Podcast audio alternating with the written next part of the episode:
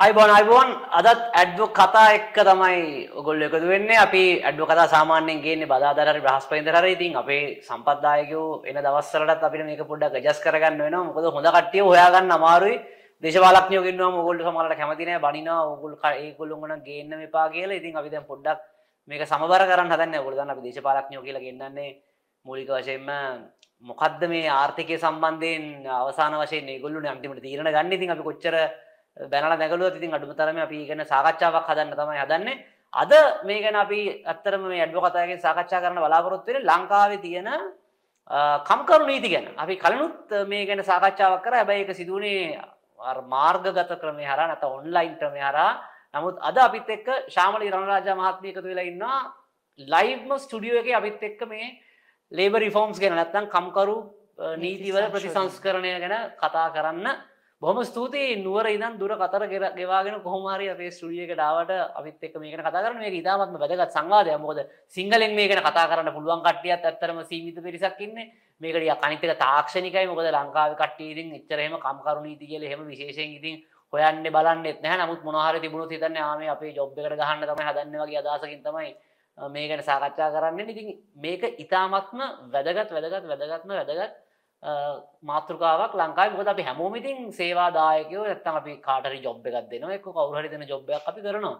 ඒක එහෙම තමයි ඉතින් ලෝකෙ ඉස්සරහට යන්නේ. ඒක නිසා මේක අපි හැමෝටම වැදගත් දෙයක්.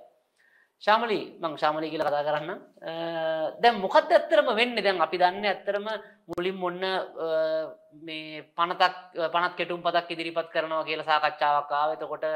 එතකොට වෘතිය සමිති කිව්ව නෑ අපිට කිසිම එහෙම දැනුම් දීමක් කළා නෑ කියලා. ඊට පස්සේ ආයෙ කිව්වොන්නේ දැන් එකක් තියෙනවා. කියලා දැන් ඇත්තටම මේ process එකේ දැන් අන්තිමට අපි දැක්කේ හැමතුමා කියනවා දැන් මේ ලබන අවුරුද්දේ මුල වෙද්දී මේක පාර්ලිමේන්තුවට දාලා අපි සම්මත කරගන්න බලාපොරොත්තු වෙනවා කියලා. මොකක්ද ඇත්තටම මේ වෙලා තියෙන්නේ? පොඩ්ඩක් මුලින්ම අලු ටික ගසලා දාලා මේ ඉන්න තැන මුලින්ම අවබෝධ කරගන්න. බොහොමත්ම ස්තුතියි මට ආරාධනා කරලා දාන්නත්. මේක මොකද ඉතාමත්ම වැදගත් කතිකාවක් හේතුව ලංකාවේ මිලියන 8ක් පමණ ශ්‍රම බලකායේ ඉන්නවා. ඒ ඒ අය හැමෝම කෝමහරි යම් විදිහකින් තමන්ගේ රැකියාවකින් හෝ ජීවිකාවකින් තමයි තමන්ගේ ආර්ථිකය ශක්තිමත් කරගන්න. ඉතින් යම් කිසි විදිහකට කම්කරු නීතියක් සංශෝධනය වෙනවා නම් ඒක අපිට අදාළ නැහැ කියලා ඉන්න බෑ. මොකද කොයි පැත්තකින් හරි තමන්ට අදාළ වෙනවා අනිවාර්යයෙන්ම දැන් ඔය කියන විදිහට ජනවාරි වෙනකොට. ඒ නිසා ඒක ගැන දැන්ම දැනුවත් වෙලා කතා කරන්න තියෙන දෙයක් දැන් කතා කරන එක හොඳයි. ඊට පස්සේ අපි දන්නේ නැහැ කියන්න බෑ අර සමහර අය කිව්වා වගේ. ඉතින් ඒක නිසා මුලින්ම බැලුවොත් එහෙම ලංකාවේ කම්කරු නීති අනිවාර්යයෙන්ම සංශෝධනය විය යුතුයි කියන එක මම හිතන්නේ කාටවත් ඒකට විතර්කයක් ඉදිරිපත් කරන්න පුළුවන් කියලා. මොකද අපේ තියෙන යල් පැන ගිය එකද සතවර්ෂයකට පමණ ඉස්සර හදපු නීති මාලාවක්. නීති ඇත්තරම පනත් හතලි සතරක් පමණ තිනවා අපි එයින් පහළවක් පමණ දෛනිකව පාවිච්චි කරනවා. ඒවා හුඟක්ම හැදුනේ නිදහස හම්බෙන්න ඉස්සල කාලේ. ඉතින් අද තියෙන ආර්ථික රටාවට අද තියෙන ව්‍යාපාරවලට අද තියෙන රැකියාවලට කොහෙත්ම අදාළ වෙන්නේ නැහැ. මොකද පරිගණක යුගයට අර බකි කරත්ත යුගයේ නීති අපි අදාළ කරගන්න හදන්නේ. ඒ නිසා ඒවා සංශෝධනය විය යුතුයි කියන එක ගැන කිසිම මං හිතන්නේ විතර්කයක් නැහැ. නමුත් මේ අවස්ථාවේදී මේ සිද්ධ වුණේ කම්කරු අමාත්‍යාංශය විසින් යම් කිසි විදිහකට සාකච්ඡා කියලා කියන්න බෑ. මහජන මත විමසීම් කියලා අපිට කියන්න පුළුවන්. මාලාවක් පැවැත්තුවා නීති සංශෝධනය කිරීම සඳහා කියලා. ඒ සම්බන්ධයෙන් හුඟක් මත පල වුණ. ඇත්තටම මමත් ඒ එක කතිකාවකට ගිහිල්ලා යම් ප්‍රකාශයක් කර අදහස් විමසීමක් කලාමගෙන් මම අදහස් ප්‍රකාශ කර සිටිය. මම ඇත්තටම අධ්‍යාත්මික වශයෙන් සහ නීතිය හසරෝපු කෙනෙ කෙට අවුරුදු තිහක් කාලේ මම විශේෂයෙන්ම මේ ගැන තමයි ක්‍රියා කළේ. ඒ මගේ අත්දැකීම් තුලින්. නමුත් මට මෙතන සේවකයෙක් හෝ හාම්පුතෙක් හැටියට නෙමෙයි මම කතා කරන්නේ. නමුත් මෙතන අදාළ වන්නේ සේවකුන් සේවකයන් සහ හාම්පුතුන්ට සහ වෘත්තීය සමිතින්ට. මොකද ඒ පාර්ශවකරුවන් සහ රජය අතර ත්‍රයිපාර්ශ්වික ගිවිසුමක් කියලා අපි කියනවා ජාත්‍යන්තර කම්කරු සංවිධානයේ ප්‍රතිපත්තිය අනුව ඒගොල්ලෝ අතර තමයි මේ කතිකාව සිද්ධ වෙන්න ඕනේ. මොකද මහජනතාව කියන විදිහට කම්කරු නීති සංශෝධනය කරන්න ඕනේ කියන එක කොහෙත්ම සාධාරණීකරන්න බෑ. ඉතින් මේ විදිහේ මත විමසුම් පවත්වලා මීට ඉස්සර හුඟක් අධ්‍යයන කෙරිලා තිබුණා විශේෂඥ මත පළ වෙලා තිබුණා කම්කරු නීති සංශෝධනය සම්බන්ධයෙන් ඒවා කොයිතරම් දුරට මේ සම්බන්ධයෙන් යොදාගත්තද කියන එක අපි දන්නේ නැහැ. ඒ සම්බන්ධයෙන් ප්‍රකාශනයක් නැහැ. මෙය කම්කරු අමාත්‍යංශය සහ කම්කරු දෙපාර්තමන්තු තුළින් අ, කෙටුම්පත් කෙරුණා කියන අ, මතය තමයි අපි දැනට අහලා තියෙන්නේ. ඉතින් මේ අවුරුද්දේ ජූලි මාසයේ 7 වෙනිදා අ, කම්කරු අමාත්‍යාංශ විසින් අ, ජාතික කම්කරු අ, සහයෝගිතා කවුන්සිලයට නැෂන් ලේබ ඩ්වයිසරි කවන්සිල් එකට එය ඉදිරිපත් කරනු ලැබූ එකැන වෘතිය සමිති අ, ලංකා හමුතුන්ගේ සම්මලයන ඇතුළු වෙනත් හම්පුතුන්ගේ අ, අ, සංවිධාන සහ රජය සමාජිකත්වය දරන අ, එය ව්‍යවස්ථාපිත මඩුල්ලක් නෙවේ උපදේශක සභාවක් පමණයි. ඒක ගරු ඇමතුතුමා විසින් අවශ්‍ය අවස්ථාවදි කැඳවන්න පුළුවන් ඉදිරි තමයි දැනට තියෙන්නේ. ඒ එයට මේ කෙටුම්පත ඉදිරිපත් කළ. සාමලින්මට පොඩ්ඩ බාධ කරන්නට දෙන්න. එතකොට දැන් සිදුවනේ දැන් අදහස් ගනිද්දි කිව්වනේ අර කතිකාවන් තිබුණ කියලා. කාටද ඒ කතිකාවන් ඉදි ගිහිල්ලා ඉදිරිපත් කරේ? ශාමලිත් ගිහිල්ලා ඉදිරිපත් කරපු කවුද එතන? ඇති කියන්නේ කවුද? කම්කරු අමාත්‍යතුමා හිටිය. කම්කරු අමාත්‍යතුමා හිටිය. වෙනත් නියෝජිතවරු ආරාධිත මත මම දන්න හැටිට හිටිය නමුත් එය අපි මීට පෙර දුටු ආකාරයේ අදහස් විමසීමක් හෝ ත්‍රයිපාර්ශ්වික අදහස් දැක්වීමක් හෝ අ, නෙවෙයි. කේන්ද්‍රගත කිරීමක් නෙවෙයි අපි සාමාන්‍ය මේක වෙන්න ඕනේ අපි ගැන ඇකඩමික්ස් ලයි ගැන මේ ගැන මේ පර්ේෂණ මට්ට මේ කට්ටිය වෙන මෙනවා ඊට අමතර ඇත්තර මේක බලපාන්න සේවක සේවිකාවන්ට නත්තම් සාමාන්‍ය වැඩ කරන කට්ටියට. ඒගොලුගේ නියෝජිත වෙන්න ඕන. අනිත් පැත්තෙන් ඒගොල්ලන්ට සේවාව සපයන අපි ගෙන හාම්පුතුන් හරි සේවා යෝජකයෝ හරි එන්න ඕනේ. මේ තුංගුල්ලොම සාමාන්‍ය එකම මේසකට ඇවිල්ලා තමයි මේ ගැන සාකච්ඡා කරන්නේ. ඕ ලංකාවේ ඊටත් වැඩි අමාරු සත්වයක් තියෙනවා. මොකද ලංකාවේ වෘත්ති සමිති වලට සමාජිකත්වය දරන්නේ ශ්‍රම බලකායන කියන්නේ සේවකයන් හැටියට ඉන්න වැටුපක් උපයන අයගෙන් සියයට දහයකටත් වැඩි අතු- අඩු ප්‍රතිශතයක් කියල තමයි දැනට දත්ත මතු වෙලා තියෙන්නේ ජාත්‍යන්තර කම්කරු සංවිධානයෙන් ලංකාවේක හොයන්න හරි අමාරුයි. මොකද වෘතිය සමිතිවල දත්ත වාර්තා කිරීම ඉතාමත්ම අඩු තලයක සහ ප්‍රශ්නගත තලයක තමයි තියෙන නිසා ඒ පළමුවෙන්ම කියයුතු එකන වෘතිය සමිතිවලට බැඳිලා ඉන්න ඉතාමත් සුළු කොටසක්. නිසා වෘතිය සමිති පමණක් හැඳවීමෙමුත් එතනින් කොටසක් අයින් වෙනවා. සේවකයන් වෘති සමිති සමාජිකයන් නොවන අයගේ අදහස් සහ ඔවුන්ගේ කටහඬ එතනති ඇහෙන්නේ නෑ. ශාමලට මම බාධ කරේ ශමලකිව මෙතන ඩ්වයිසරි කවන්සිල් එකක් වගේ නෑ, කරලා තිබුණා. ඒ- ඇමතුමට කැඳවන්න පුළුවන් අවශ්‍ය වෙලාවක කියන අවශ්‍ය. ඒට ජාතන්ත්‍ර කම්කරු සංවිධානයෙන් හුඟක් මත පල වෙලා තියෙනවා මෙය ව්‍යවස්ථාපිතව පිටුවිය යුතුයි කියලා නමුත් ඒ සිදු වෙලා නැහැ මෙතෙක් දුරට. ඊට ඇරෙන ලංකාවේ ප්‍රශ්නය තමයි 158ක් පමණ සේවක ප්‍රමාණයක් සේවය කරන අවිධිමත් ශේත්‍රයේ. එහෙම නැත්නම් ඉන්ෆෝමල් සෙක්ටර් එකේ. ඒතර මේ අය වෘත්තීය සමිතියකත් නැහැ. ඒ අය අ, වාර්තාගත වන විදිහේ රැකියාවල යෙදෙන්නෙත් නැහැ. ඒ අයව සාමාන්‍යයෙන් කම්කරු දෙපාර්තමේන්තුවේ පරීක්ෂණ අ, ක්‍රියාවලිය තුළින් ඔවුන්ව පරීක්ෂා වෙන්නෙත් ඉතාමත් අඩු අවස්ථාවට. කරන්නේ නැතුව කියනවත් කරන්න බෑ කියනවත් නෙවෙයි. නමුත් ලංකාවේ ස්- ඒ ඉන්න ප්‍රතිශතය ගත්තහම ඒක හුඟක් වෙලාවට සිද්ධ වෙන්නේ නැහැ. අපි කියන්නේ අවිධිමත් ක්ෂේත්‍රය කියලා කියන්නේ කුඩා පරිමාණයේ සේවකයන් හතර පහ දෙනෙක් සිටින වාර්තා නොතබන, ගිණුම් නොතබන අ, ඒ කිසිම විදියකට ලියාපදිංචි නොවෙච්ච ආයතන තමයි සංගණන දෙපාර්තමේන්තුවෙන් ජනසංගණන දෙපාර්තමේන්තුවෙන් හඳුන්වලා තියෙන්නේ. ඉතින් මේ වගේ අ, අ, අවිධිමත් ක්ෂේත්‍රයේ සේවකයන් විශාල ප්‍රමාණයක් ඉන්න අවස්ථාවකදී අපි මේ විධිමත් අ, සංවිධාන පමණක් කතා කරන එකත් ඉතාමත්ම ප්‍රශ්න සහගත කරුණක්. ඉතින් අපිට කතා කරන්න පුළුවන් එක කොටසක් විශේෂයෙන්ම තමයි ගෘහස්ත සේවකයෝ. මේ අවස්ථාවේදී ගෘහස්ත සේවකයන්ගේ අ, අදහස් විමසීමක් එන්නලෙසි එකෙත් නෑ අ, කිසිම ආකාරයකින් සිද්ධ වෙනවා අපි දකින්නේ නෑ. ඒ නිසා තමයි හුඟක් ප්‍රශ්න සහගත තත්ත්වයක් ඇති වෙලා තියෙන්නේ. ඉතින් මේ ආකාරයට තමයි මේ කෙටුම්පත ඉදිරිපත් කෙරුණේ. එදා ඉඳලා කල් දුන්නා මං හිතන්නේ මාස 3ක වගේ කාලයක් අ, වෘත්තීය සමිතීන්ට හම්පුතුන්ට වෙනත් සේවා ආයෝජකයන්ට අ, අත්- අම්මා අපි වගේ අ, විශේෂඥයන්ට හෝ වෘත්තීය වෘත්තිකයන්ට මේ සම්බන්ධයෙන් අදහස් පළ කිරීම. ඉතින් අදහස් හුඟක් පළ වෙලා තිබුණේ නෑ. මං හිතන්නේ එක හේතුවක් තමයි මේකේ තියෙන සංකීර්ණභාවය. මොකද අ, පනත් 13ක් එකතු කරලා මේ ප- අ, කෙටුම්පත හදලා තියෙන්නේ. එතන පිටු 214ක පමණ. අ, විශාල පනතක් අ, පරිච්ඡේද 20ක් නැත්නම් 21ක් වගේ තියෙනවා. ඉතින් මේක බැලූ බැල්මටම මම ඇත්තටම අද අච්චු ගහලා ගේන්න හිටියේ මට ඒකට වෙලා තිබුණේ නැහැ. අ, ඒක පරීක්ෂා කරන්න හෝ ඒක ක- ඒක විශ්ලේෂණය කරලා බලන්න ඉතාමත් අමාරු කාර්යයක්. එක. දෙවනුව වෘත්තීය සමිතින් සියල්ලම මෙයින් බැහැර වුණා. මෙය අපි දැනුවත්ව සකස් කරන ලද කෙටුම්පතක් නෙවෙයි. ඒ නිසා අපිට මේකට සහභාගි වෙන්න බෑ. අපි මේක හැදුවේ කවුද කියලා දන්නෙත් නෑ. අපිව මේ සම්බන්ධයෙන් අ, අපිට කතා කරෙත් නෑ. අපිට අවස්ථාවක් දුන්නෙත් නෑ මේකට යම්කිසි විදිහකට දායක වෙන්න. ඒ නිසා අපි මේකට කතා කරන්නේ.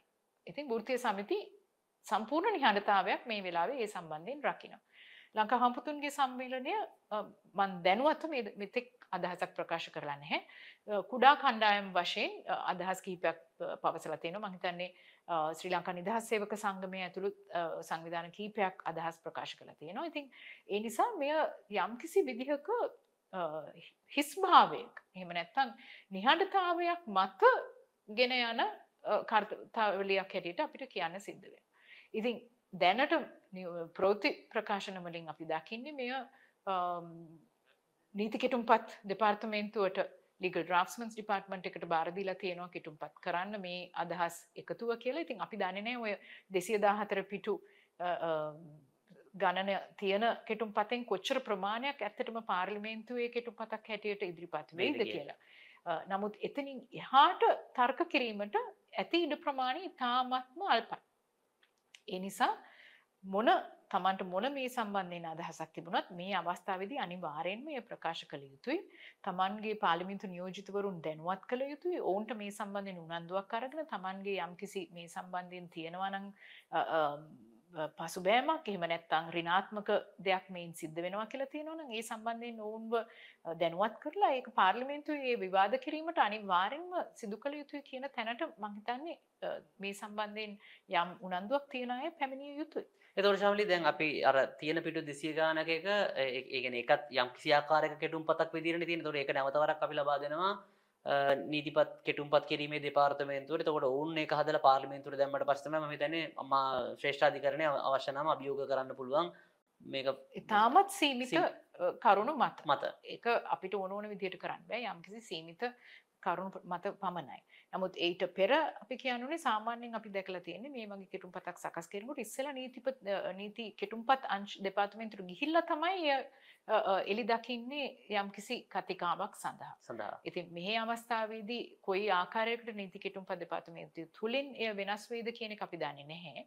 නමුත් දැනට තියෙන පනත හැටියට කෙටුම්පත අනුව එය ඇත්තටම හුඟක් සංකීර්ණ ලේඛනයක් හැටියට අපිට පිළිගන්නට සිද්ධ වෙනවා. දැන් ශාමලී මොනවද මේකේ තියෙන දැන් අපි කලින් සාකච්ඡාවේදී ඇත්තටම අපි මුලින්ම ශාමලිත් එක්ක කතා කරද්දී මේ සංවාද මෙච්චර දුරට ඇවිල්ලා තිබෙනවා. එතනදී අපි ඇත්තටම කතා කරා මේකේ වෙනස් වෙන්න ඕනේ මොනවද කියලා.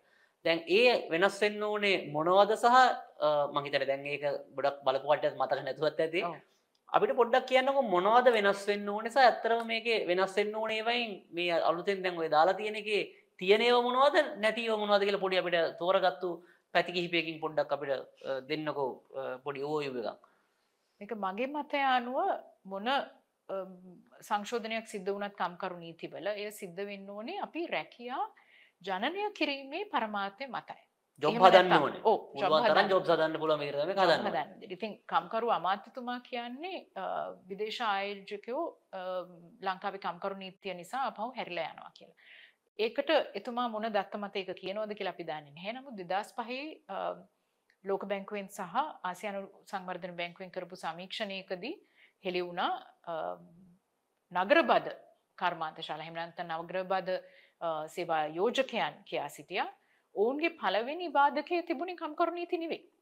ඒක තිබුණේ පස්වෙනි අංකයට පමණ. එයත් විශාල වශයෙන්ම තිබුණේ වැඩ කරන ගන්න සම්බන්ධයෙන් සහ සේවය අවසාන කිරීමේදී ඇති වෙන ගැටලු සම්බන්ධයෙන් තමයි තිබුණේ. පළමුව තිබුණේ තමන් ලංකාවේ තියෙන පහසුකම් මදිකම යටිතල පහසුකම් යටිතල පහසුකම් මදිකම ප්‍රධාන වශයෙන් ආර්ථික ප්‍රතිපත්තිවල තිබුණු ප්‍රශ්න.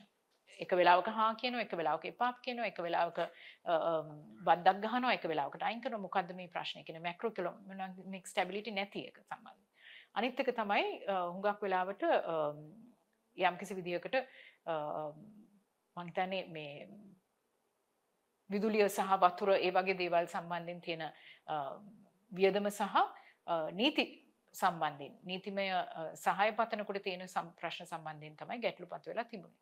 ඉතින් මං හිතන්නේ ඒක සාධාරණීකරණය කරන්න පුළුවන් කියලා මේක තමයි තියෙන ලොකුම බාධකය කියලා. ඒට ඉස්සෙල්ලා වෙන බාධක තියෙන්න පුළුවන්. ග්‍රාමීය වශයෙන් ඉන්න සේවා යෝජකයෝ ගත්තොත් උන් ගොඩක්ම හුඟක්ම අවිධිමත් ක්ෂේත්‍රය කියලා අපිට හිතන්න පුළුවන්. ඔවුන්ට පළවෙනි 10 ඇතුළතවත් තිබුණේ කම්කරු නීති ගැන. මොකද ඔවුන් කම්කරු නීති වටේ වැඩ කරන්නට සැකසුණු ක්‍රමයක් තමයි ඇති කරගෙන තියෙන්නේ. ඉතින් මේක සාධාරණයි කියනවා නෙවෙයි. නමුත් කම්කරු නීතිය උන්ට බාධාවක් නෙමෙයි මොකද ඒවා මගහැරලා යන්න ඒගොල්ලෝ ක්‍රම පාදගෙන තිබුණා. ඒ අවිධිමත් ශේත්‍රය නිසා මොකද කම්කරු දෙපාර්තමේන්තුවෙන් ඔවුන්ව පරීක්ෂා කෙරෙන්නේ ඉතාමත්ම අඩු ප්‍රමාණයකට තියෙන භෞතික ගැටලු නිසා. ඉන්න තැන් වෙන්න පුළුවන් හඳුනා ගැනීමේ අපහසුකම් වෙන්න පුළුවන් තැනින් තැන ව්‍යාප්ත වෙන නිසා වෙන්න පුළුවන් ඉතින් මේ වගේ ප්‍රශ්න නිසා ගම්බද ශේත්‍රයට කොහෙත්ම බලපෑමක් තිබුණේ නෑ. ඒ නිසා මම හිතන්නේ පළවෙනිම අපි කියන්න ඕනේ අපි මේක ඒ ආකාරයෙන් බලන්නට බෑ. මේක ආයෝජකයන්ට ප්‍රශ්නයක් වෙන නිසා අපි කරනවා කියලා. මොකද එතකොට අපි බලන්න ඕනේ ලංකාවේ කොච්චර ප්‍රමාණයක් ආයෝජක ප්‍රතිශතය තියෙනවද කියලා. අපි කොච්චරක් ඉන්වෙස්ට්මන්ට්ස් ෆොරින් ඩිරෙක්ට් ඉන්වෙස්ට්මන්ට්ස් වලින් එනවද කියලා අපි බලන්න.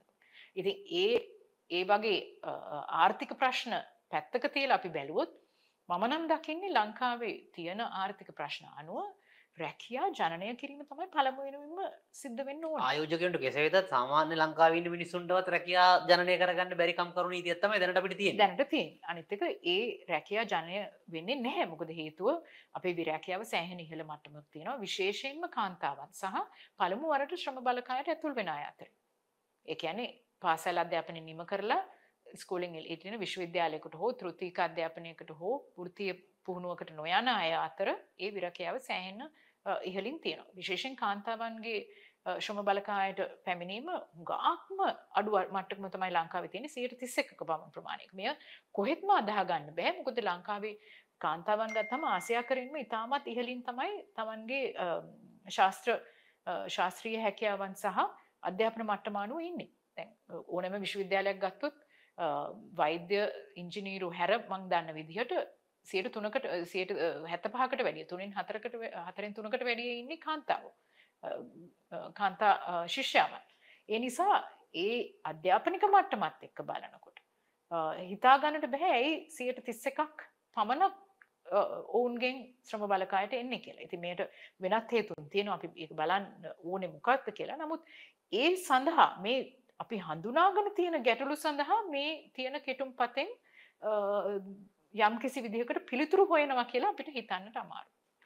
මොකද ශ්‍රම බලකායට මං ඉස්සෙල්ලා කිව්වා වගේ කාන්තාවන්ට එන්න තියෙන ගැටලුවක් තමයි මේ තමන්ගේ කාලය හුඟක්ම වැය වෙන්නේ ගෙදර දොර සුරක්ෂණය සඳහා සහ ගෙදර දුර වැඩ පමණක් නෙවේ ඒ තමයි බලාගන්න වැඩිටි දෙමවපියොම බලාගන්න වගේ ඒ වගේ තමන්ගේ සේවා ස්වස්ත සේවා සැපීම් සඳහා තමයි උගක් කාලය වැෑවෙන් ඉතින් ඒ නැතුව මේ දේවල් කිරීමෙන් ඒ ක්‍රමවේදය සහ පද්ධතිය සකස් කරන්නේ නැතුව කෝනකම්කරු නීතියක් සංශෝධනය කරත් මේ කාන්තාවන් ශ්‍රම බලකායට එන්නේ නෑ.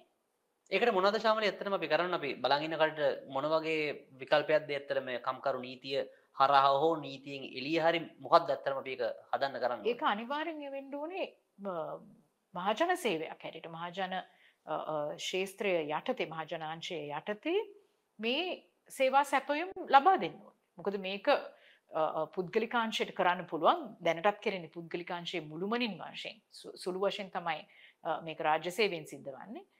එය හුඟ දෙනෙකුට ඔය අවිධිමත් ශේත්‍රය අයට අඩු ආදායම ලබන අයට එයට අවතීර්ණ වෙන්න බැහැ තියෙන වියදමානුව. ඒ නිසා මේක යම්කිසි විදිහකට රාජ්‍ය සේවයෙන් ලබා යුතු සේවයක්. නමුත් රාජ්‍ය අංශය මේ අවස්ථාවේදී වැඩිපුර අලුතෙන් සේවය ලබා දෙන්න රජය සූදානම් නැහැ. තියෙන සේවයත් අඩු කරගෙන යන වෙලාවක්නේ. දැන් ඒ නිසා ඒකට අනිවාර්යෙන්ම ප්‍රියමක් වෙන්න ඕනේ. ඉතින් මම නම් දකින්නේ අපි දැන් හුඟක් වෙලාවට කාන්තාවන් ගත්තොත් විදේශ රැකියාවලට සංක්‍රමණය වෙන. සියයට අනුවකට වැඩිය කාන්තාව සංක්‍රමණය වෙන්නේ කිසිම සුදුසුකමක් නැතුව ගෘහස්ත සේවය සඳහා පිට රටවල්. දැන් ඒ අනාය යන්නේ හුඟක් අනාරක්ෂිත රැකියාවලට. අපිට ඒ අයට ලංකාවේ පුහුණුවක් දීලා මේ සේවා සැපයුම් වලට රැකියා දෙන්න පුළුවන්. ඒ කියන්නේ බාල වයස්කාර දරුවන් රැක බලා ගැනීම, වයෝවෘද්ධය බලා ගැනීම, ඒ කියන්නේ අපි කියනවා කෙයා සෙන්ටර්ස් කියලා. හැම ගමකම හැම නගරයක් ආශ්‍රිතවම මේ වගේ සේවස්ථාන බිහි වෙන්න පුළුවන් නම් එය ඇත්තටම රාජ්‍යයට තව බරක් වෙන්න අවශ්‍ය නැහැ. මොකද ඒ රැකියා යම්කිසි ආකාරයකට ඒ ප්‍රදේශයේ ඉන්න හාම්පුතුන්ගෙන් සහ සේවය ලබන අයගෙන් යම්කිසි අය කිරීමක් හෝ යම් දායකත්වයකින් එය පවත්වාගෙන යන්න පුළුවන්. මේ සාර්ථකව සිද්ධ වෙනවා සමහර අපනෑන සැකසුම් කලාපවල ඒ ආයෝජයකම මේ තේරුම් අරගෙන මේ ප්‍රශ්නය දැන් ඒ සේවස්ථාන සපයලස් තිනවා. ළමාසුරකම් මධ්‍යස්ථාන වගේ අය කිසිම අයකිරීමකින් තොරව හෝ සුළු අයකිරීමක් මත ඒ වගේ ස්ථාන සපයලා තින මොකද දැන් තේරලා තියෙන මේ තියෙන පුරප්පාඩු පුරවන්න බැරි හේතුව තමයි මේ කාන්තාවන්ට රැකියාවට එන්න හැකියාවක් නැතිකම්.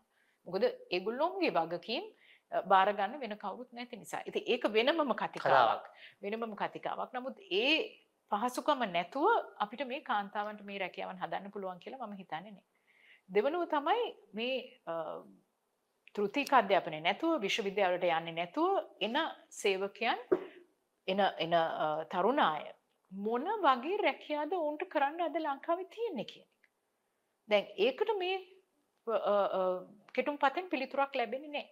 මොකද මේ කෙටුම් පත හදලා තියෙන්නේ ඒකේ තියෙන එක ප්‍ර- පුර- ප්‍රතිපාදනයක් තමයි යම්කිසි හාම්පුතෙක් කියනවා නම් මට සුදුසුකම් තියෙන ශ්‍රී ලාංකිකයෙක් අ, මේ පුරප්පු අඩුව සඳහා හොයාගන්න බෑ මම හෙව්වා හෙව්වා හොයාගන්න බෑ කියලා කොහොමද ඒක සහතික කරන්න කියලා කියලා නෑ. ඔහුට පුළුවන් දැනට තියෙන කෙටුම්පත යටතේ අ, අ, විදේශ වි- අ, සංක්‍රමණික සේවකයෙකු ලංකාවට ගෙන්වීමට අවසරෙල්ලා. එතකොට අපේ ඉන්න මේ තරුණ රැකියාවලට එන්න බලාගෙන ඉන්න අයට මොකක්ද තියෙන තත්ත්වය කියන එක කවුරුත් එතන කියලා නැහැ. මො- මොකද්ද ඔවුන්ට තියෙන අවස්ථාව වෘත්තීක අධ්‍යාපනය වෘත්තීය අධ්‍යාපනය තෘතික අධ්‍යාපනය සඳහා සුදුසුකම් ලබන්න ඔවුන්ගේ හැකියා වැඩි කරන්න පුහුණුවක් ලබා දෙන්න මොකද්ද තියෙන ස- රජයේ එතකොට වගකීම හාම්පුතා කියනවා මට හොයාගන්න බෑ මේකට සුදුසු කෙනෙක්. එතකොට ඒ කිව් පමණින්ම විදේශ සේවකයෙකු ගෙන්වීමට හැකියාව තියෙනවා. සමහර ශේත්‍ර තියෙනවා හොයාගන්න බැරි වෙන්න පුළුවන්. නමුත් මේ වගේ අවස්ථාවක් මෙවන් විරැකියා තත්වයක් තියෙනකොට මේ විදිහට අපි පි- අ, විදේශික සේවකයන් ලංකාවට අ, අ, ගෙන්වීමට ප්‍රතිපාදන හැදුවොත් මොකක්ද සමාජීය වශයෙන් ඇතිවන ව්‍යාකුල තත්ත්වය කියලා දැනනාත හිතාගන්න පුළුවන්.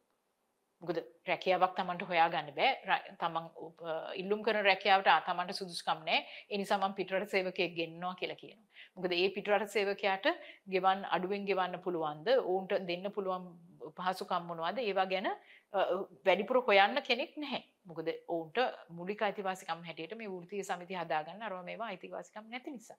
එතකොට ලංකාවේ සේවකයෙක් මේ වගේ තමන්ට දෙන මේ අවස්ථාව බෑ කියනවා නම් මේ පිළිගත හැකි සේවයක් නෙවෙයි ස්වේවා සස්ත නෙවෙයි තියෙන්නේ මෙතන සුනිසි සේවයක් නෙවෙයි මට මේ තියෙන්නේ ඩීසන්ට් වර්ක් නෙවෙයි කියලා කිව්ව පමණින් එතකොට හාම්පුතෙකුට පුළුවන් වෙන සේවකයෙක් ගෙන්නලා ඒ සේවය යොදන්න. කෙටි අතුර ප්‍රශ්න ශාමලි දැන් සාමාන්‍යයෙන් පිටරටින් කෙනෙක්ව ගේන්න කියලා කියන්නේ ටිකක් සැලකිය යුතු වියදමක් යනවනේ. කියන්නේ සමහර කෙනෙක් අඩුවට එන්නත් පුළුවන්. දැන් මම දැක්ක ඇත්තටම YouTube එහෙම කරන ගොඩක් දෙනෙක්ගේ ඇත්තටම දැනටමත් දැන් එහෙම නීතියක් නැතුවත් පිරිස් ඇවිල්ලා වැඩ කරනවා. අම්පාර පැත්තේ ගොවිතැන් කටයුතු කරනවා. මම හිතන්නේ කන්ස්ට්‍රක්ෂන් සයිට් වල නේපාලේ පාකිස්තානේ පිරිස් වැඩ කරනවා. එතකොට මම දැක්ක අර බිරියානි අවු චේන් එකක් තියෙනවා. ඒකේ චෙෆ්ලා ගොඩක් වෙලාවට ඉන්දියාවෙන් ආපු පිරිස් එතකොට මම දැක්ක තවත් ඒ වගේම කොත්තුරුටි චේන් එකක් තියෙනවා ඒකේ ගොඩක් වෙලාවට අර රයිඩර්ස්ලා විදියට ඇවිල්ලා ඉන්න කට්ටියත් මම හිතන්නේ පිලිපීනයෙන් සහ නේපාලේ වගේ රටවල් වලින් හිටියා. එතකොට අ, දැන් දැනටමත් මේක යම් ප්‍රමාණයකට මොකක්වත් නැතුවත් අවිධිමත් මට්ටමකින් වෙනවනේ. එතකොට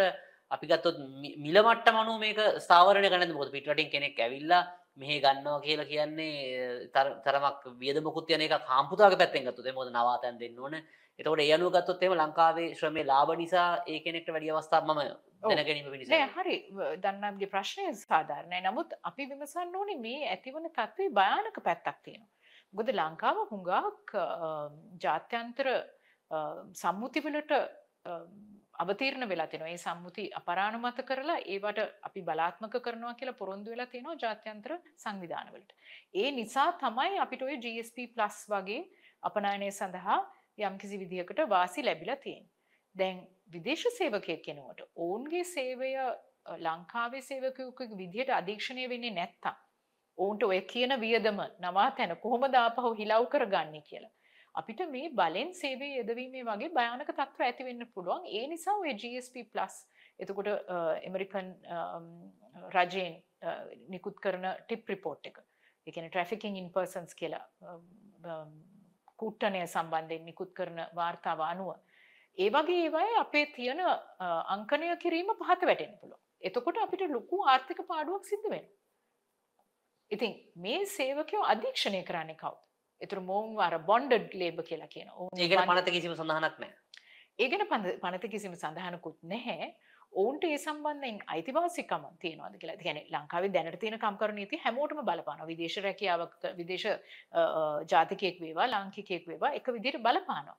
නමුත් මේ සේවකයෝ ඇවිල්ලා ඉන්නේ මොන පදනමක් මටද? ඔවුන්ට වීසා තියෙනවාද? අවසරය ඇතුවද වැඩ කරන්නේ? නිසා ඔවුන් සමහර වෙලාවට කම්කරු දෙපාර්තමේන්තුවට ඇවිල්ලා පැමිණිලි කරන්නේ නැහැ මට හරියට පඩි ගෙවන්නේ නැහැ මාව වහල් සේවයේ යොදවලා තියෙනවා. මගෙන් මෙච්චර ගාණක් අය වෙනවා කියලා දැන් ලංකාවේ අය පිටරට ගිහිල්ලා කියන පැමිණිල්ලම ලංකාවේ වැඩ කරන විදේශකයන්ගෙන් එන්න පුළුවන්. ඒ නිසා අපේ දැන් තියෙන මේ සුනිසි සේවා තත්ත්ව අනිවාර්යෙන් පහත වැටෙන්න පුළුවන්.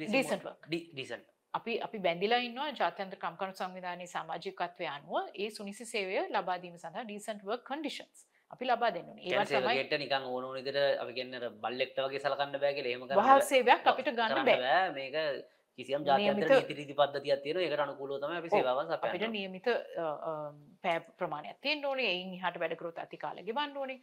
පඩි සහිත නිවාඩු ලබා දෙන්න ඕනේ. යම් කිසි විදිහකට වෙනත් ප්‍රතිපාදන තියෙනවා. ව්‍යවස්ථාපිත දීපන EPF ETF වගේ අපි දන්න දේවල් ඒවා නිවිසගත් විදිහට ගෙවන්න ඕනේ. ඉතින් මේ වගේ කොන්දේසි රාශියකට කොටු වෙනවා.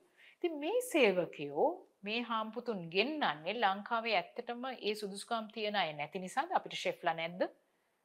ඒගොල්ලෝ නැත්තම් රහට වැඩි උයනවද? නැත්තම් ලංකාවේ සේවකයෙක් සේවයේ යෙදවීමට තියෙන වියදම වැඩිද මේ සේවකයන්ට වියදම් කරලා ටිකට් එක ගුවන් ටිකට් පත්‍රයක් දීලා ඇවිල්ලා මෙහි වැඩ කරන එකට වඩා වියදම වැඩිද එයින් මිදීමට කරන ප්‍රයත්නයක්ද කියලා අපි ඒක හොයලා බලන්න. මොකද ඒක සමීක්ෂණයක් හෝ යම් කිසි විදිහකට සොයා බැලීමක් නොකර අපි කරොත් අපි මේ විදේශ සේවකයන්ට අපි ආගාධයකට ඇද දමනවා. එය ඉතාමත්ම භයානක තත්වයකට තුඩු දෙන්නට පුළුවන්. මොකද පළමුුව ලංකාවේ සේවකයකුට මෙච්චර විරෑවකයක් තියෙන රටක. දැන්ට මහිතන්නේ පිරිමි අය අතරේ සියට හතක අටක ප- ප්‍රතිශතයක් අ, අ, විරැකයාවෙන් පෙළෙනවා. ඇති මේ අය යම්කිසි විදිහකට අ, සුදුකම් නැති නිසා මොවුන් රැකයාවේ දෙන්න ඇත මොවුන් රැකයාව යොදවන්න බැරිද? එතකොට ඔවුන් අයින් කරලා දාලා අපිට විදේශයකින් සේවකයන් ගෙන්න්න පුළුවන්ද? ඒ ගෙන්න්න පුළුවන් වුණත් ඒ සේවකයෝ සේවේ යොදවන්නෙක් මොන කොන්දේසි යටතේද කියන එක. අපි වග බලා ගැනීමට බැඳිලා ඉන්නවා ඒ ජාත්‍යන්තර සම්මුති යටතේ. කොටම කිවොත් අපි එක්සත් ජාතින්ගේ සම්මිලනය යටතේ තියෙන අ, ඔය සංක්‍රමක සේවකයන් සම්බන්ධයෙන් අපේ රටට එන අය සම්බන්ධයෙන් තියෙන වගකීම් තියෙන සම්මුතිකට අපිට බැඳිලා ඉන්නවා.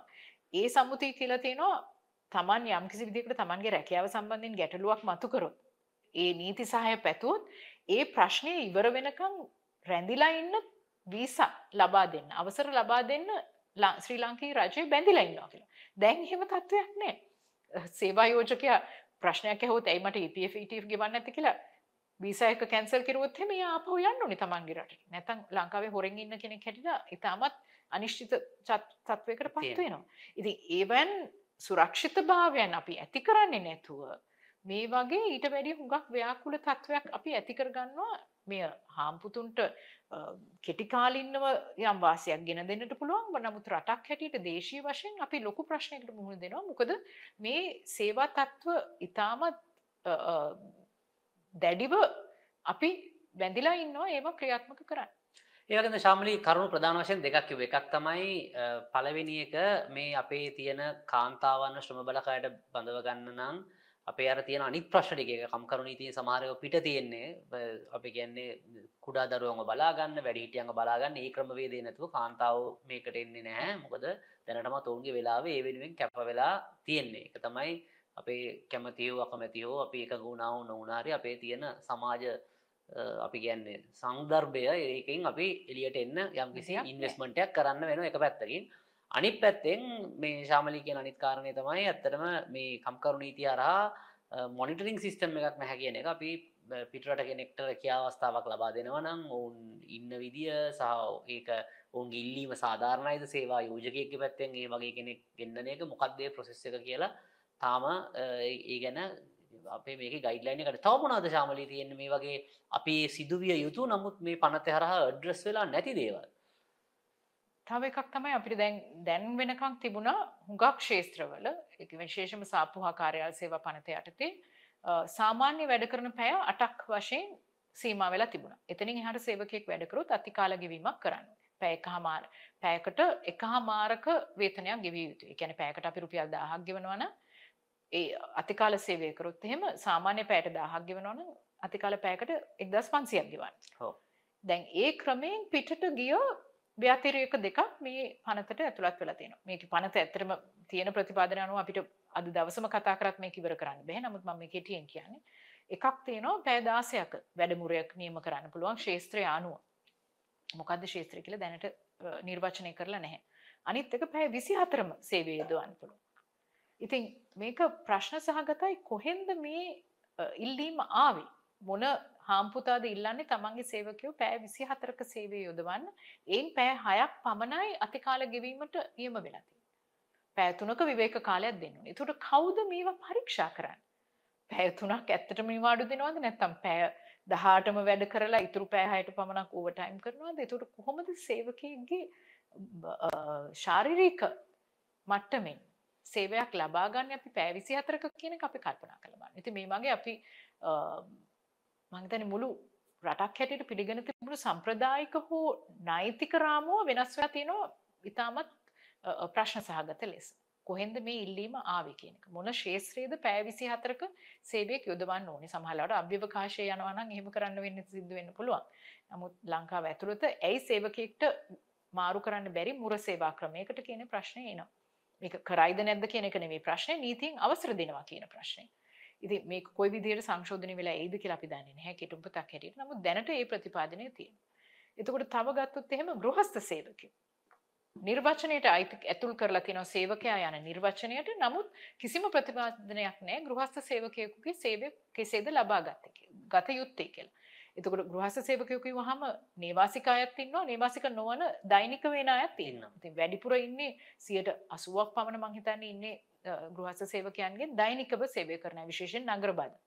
ඉතින් ඒ සේවකයන්ට ඇතිවන ප්‍රශ්න වෙනම පනතක් යටතේ විසඳිය යුතු පනතක්. මොකද ප- ප්‍රශ්නයක්. මොකද මේ පනත යටතට දාගන්න බෑ. මොකද හේතුව ඔවුන් සේවය කරන්නේ පුද්ගලික නිවසක.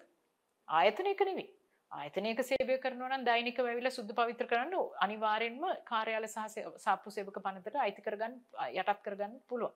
නමුත් ඇතුළත් කරගන්න පුළුවන්. නමුත් ගෘහස් ගෘහයක වැඩ කරනවා නම් ඔවුන් අනි අධීක්ෂණය කරන්න ඉතාමත් අමාරුයි කම්කරු දැනට තියෙන කම්කරු අ, අ, නීති පද්ධතිය යටතේ. මොකද අ, දනනා තුනත් කැමති නැහැ ගෙදර ගෘහස්ත සේවකයෙක් ඉන්නවා නම් තමන් සහ තමන්ගේ බිරිඳ වැඩට ගියාට පස්සේ ගෙදර කවුරුත් නැති වෙලාවේ කවුරු හරි ඇවිල්ලා "ආ, අපි කම්කරු දෙපාර්තමේන්තුවෙන් කියලා ඇතුළට එන්න පුළුවන් නම් එතන අනාරක්ෂිත තත්ත්වයක් ඇති වෙනවා ගෘහස්ත සේවකයාට. තමන්ගේ නිවසටත් බඩු බාහිර ආදියට. ඒ නිසා අපි එය වෙන පිළිවෙතක් යටතේ අනිවාර්යෙන්ම සකස් කරගත යුතු කියන තමයි මගේ ස්ථාවරය. නමුත් ගෘහස්ත සේවකයොත් මේ පනතට දාලා තියෙනවා. හැබැයි ඒගොල්ලෝ ගැන කතා කළා නෑ ඊට පස්සේ. එතකොට. මොකද්ද එතකොට ප්‍රශ්නේ? දැන් මේ කියන අතිකාල ගෙවීම ඔවුන්ට අදාළ වෙනවද? එතකොට පැය 24 වැඩ වැඩමුර ක්‍රම කොහොමද අදාළ කරගන්නේ? ඉතින් ලොකු ව්‍යාකූල තත්වයක් ඇති වෙනවා ඒ සේවකයෝ සමග. තව මොනවද මං හිතන්නේ අපි කලින් වතාවේදී සාකච්ඡා කරා තේවයක ගැන නැත්නම් ටර්මිනේෂන් ඔව්, ඒ සේවය අවසන් සම්බන්ධයෙන් කිරීමේ ඒ පනත. ඒ බලාපොරොත්තු වෙන තත්ත්වය මේකේ තියෙනවද කොහොමද ඒ ප්‍රශ්නය මේ මේ අලු දැන් එළියට දාලා තියෙන එකේ. මේක ආමන්ත්‍රණය කරලා තියෙන මොන විදියටද දැන් මේ සේ- තේවා පනත කියන එක ඇත්තටම මිත්‍යාවක්. මේකෙන් ආවරණය වෙන්නේ හුඟක් වෙලාවට මං හිතන්නේ වේතන උපයන සේවකයන්ගෙන් 15ක් 20ක්වත් ආවරණය වෙන්නේ නැහැ. හේතුව 15කට වැඩි සේවක ප්‍රමාණයක් ඉන්න ඕනේ අවුරුද්දකට වැඩි සේවය කරලා තියෙන්න ඕනේ. අනිත් එක විධිමත් ශාස්ත්‍රීය වෙන්න ඕනේ. නැත්නම් වාර්තා මුකුත් ඇත්තෙත් නැහැ පරීක්ෂණ කරන්න විදියකුත් නැහැ. අනිත් හුඟක් සේවකයෝ Tamanගේ සේවය අවසන් කරොත් විනය නොවන හේතුවකට කම්කරු දෙපාර්තමේන්තුව හොය හොය යන්නේ නැහැ. ඉතින් කවුරු මේ සේවා පනතෙන් ආවරණය වෙනවද කියන එක අපි ඉස්සෙල්ලා කල්පනා කරලා බලන්න ප්‍රතිශතය වශයෙන් ගත්තොත්.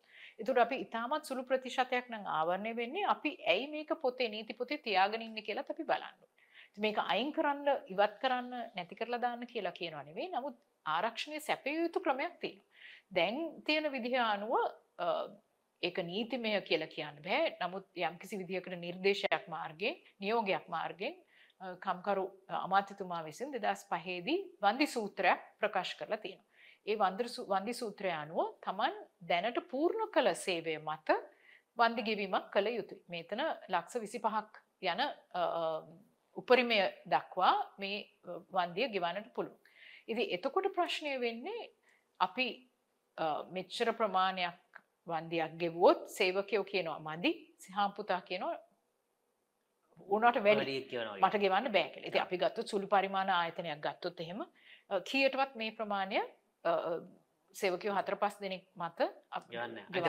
ඔය වගේ ගෙවන්න ඉතින් ව්‍යාපාරය අම- අමාරු වෙලා බංකොලොත් වෙන වෙලාවක වෙලාවක. කොහොමත් අතේ ඔව් ඒ විතරක් නෙවෙයි. එතකොට පළදායි නොවන සේවකෙක් සේවක. කරන්නත් බෑ. පළදායිතාවය කියන්නේ විනය ප්‍රශ්නයක් ඔව්. එතුර කවුරු හරි සේවය ස්තිර කිරීමෙන් පසුව පලදායි නොන සේවකයෙක් හිටියොත් හම්පුතා බැඳිලා ඉන්නවා ඒ සේවකයාව දිගටම තියාගෙන ඉන්න ඕන වුණත් එපා වුණත් ලංකාවේ තියෙන නීති යටතේ ඉවත් කිරීමට නොහැකි නිසා. ඉතින් මේ සේ- ටේවා ඇක්ට් එකෙන් ඇත්තටම පලදායි නොවන සේවකයන්ට යම්කිසි ආරක්ෂණයක් ලැබෙනවා කියලා කවුරු හරි කිව්වොත් ඒක ඇත්ත කියලා පිළිගන්න වෙනවා.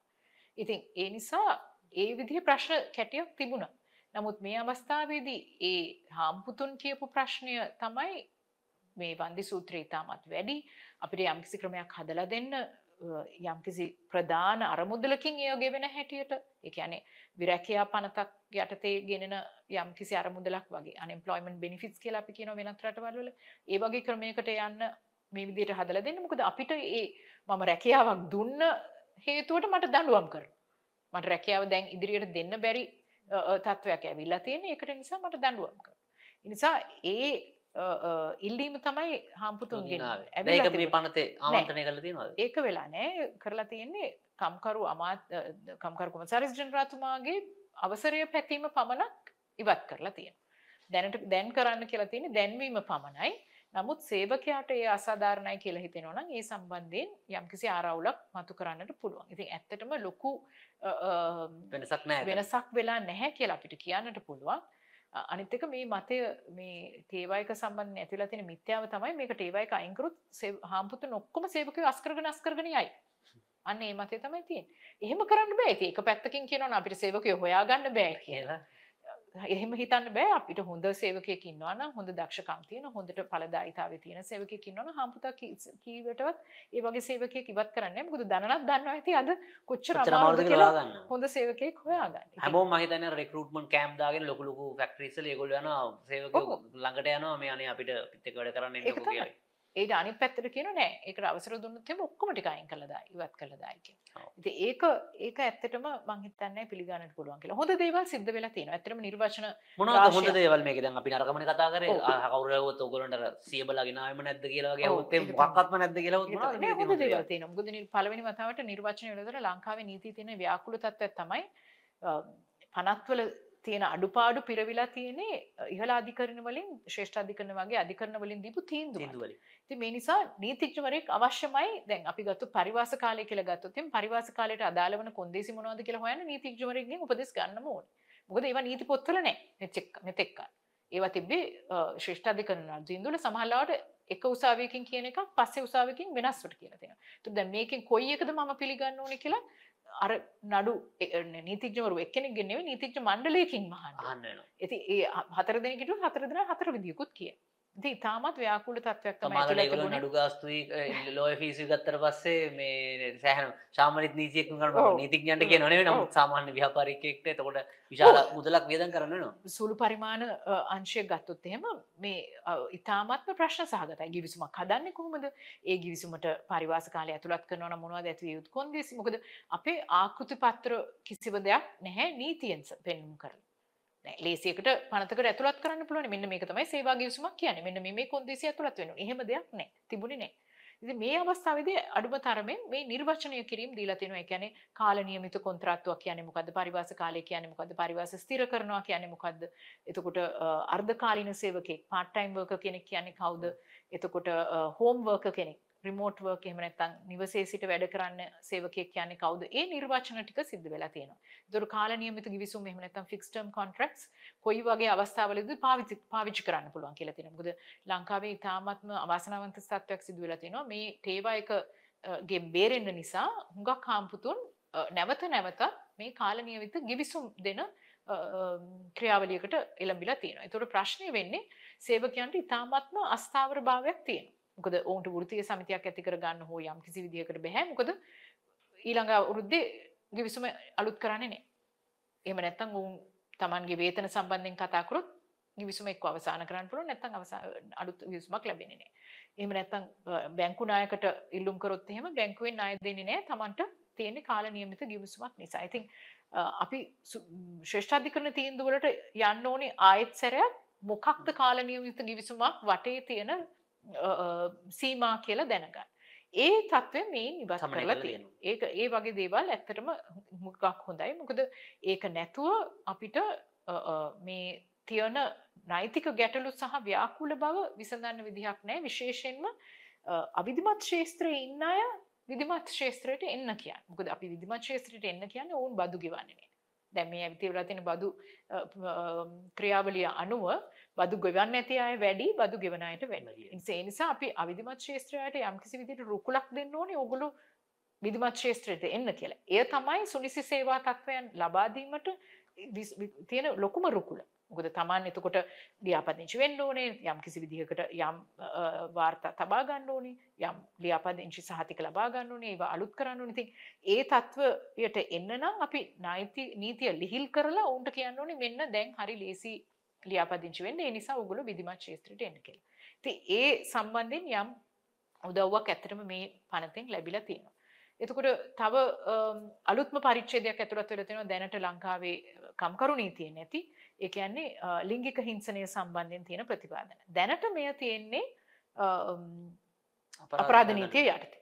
මේන් ඇත්තටම කම්කරු වෘත්තීය සමිතින් සහ සේවකයන් ඉල්ලා සිටියේ කම්කරු ජාත්‍යන්තර කම්කරු සංවිධානයේ C 190 සම්මුතිය අපරානුමත කරන්න කියලා ඒ තමයි සේවා ස්ථානවල හිංසනය සහ ප්‍රචණ්ඩත්වය වැළැක්වීමේ සම්මුතිය. ඉතින් සේවස්ථානවල ලිංගික හිංසනයෙන් එහාට යන හිරිහැර කිරීම් සහ ප්‍රචණ්ඩත්වය බොහෝමයක් තියෙන. අවසනාවන්තකමට මේ සැරේ ලිංගික හිංසනය දාලා තියෙනවා කම්කරු නීති කෙටුම් පතට නමුත් මෙය ප්‍රචලිත මදි ව්‍යාප්තිය මදි මේ අනිත් හිංසන එයට අදාළ කරගෙන. මොකද ලිංගික හිංසනයට කොහොමද ප්‍රතිකර්මයක් තිබුණා අපරාධ නීතිය යටතේ.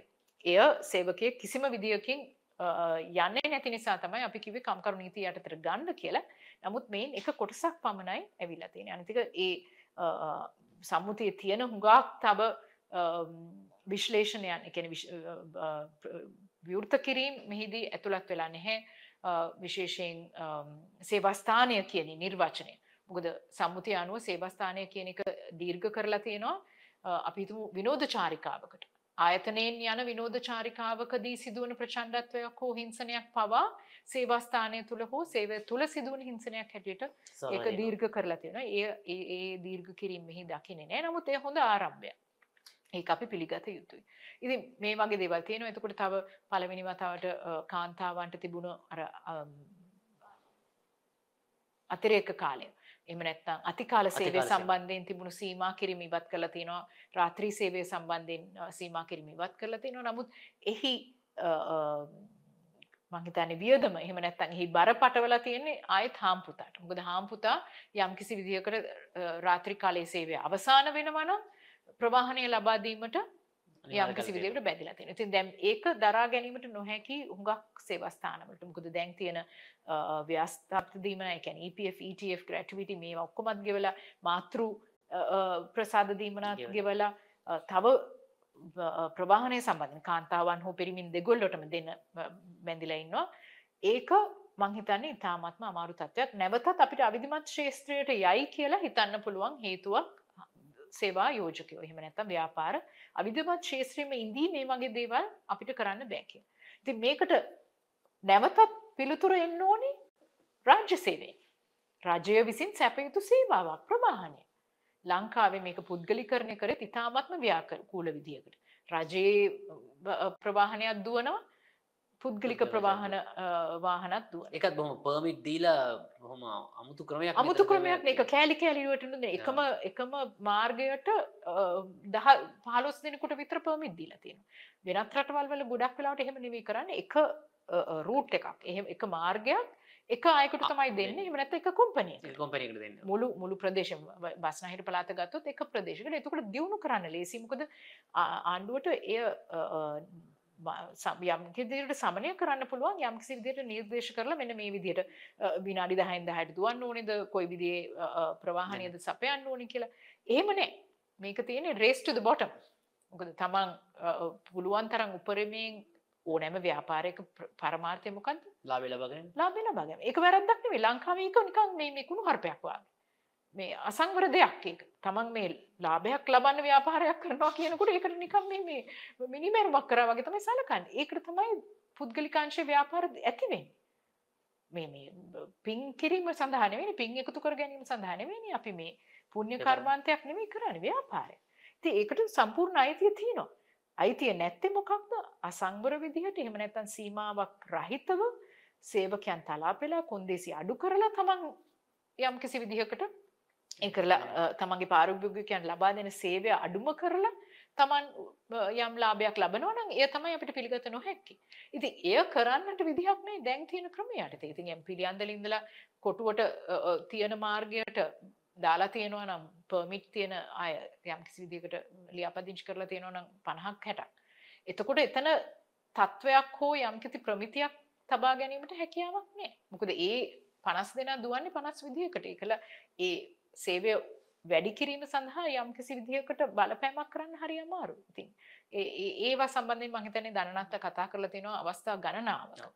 නමුත් මං මේ මේ කම්කරු නීතිය අරලා මං කියන්නේ ඉතින් අපි ඒක දියුණු කරන්නේ නැතුව. ඒකත් හාම්පුතට දානවා.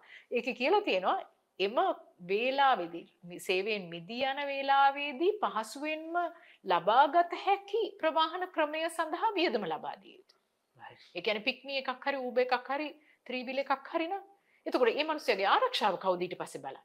එතකොට මොකද්ද හාම්පුතා කරන්නේ? එතකොට සේවා කාලය දීර්ඝ කරනවා උදේ වෙනතුරු. තුනකම් එතකොට බස් පටන් ගන්න වෙලාවට ගෙදර යන්න පුළුවන් කියලා ඒ වෙලාවට සේවය අවසන් කිරීම සඳහා. එතකොට ආයෙත් හැලෙන්නේ කවුද? සේවකයා.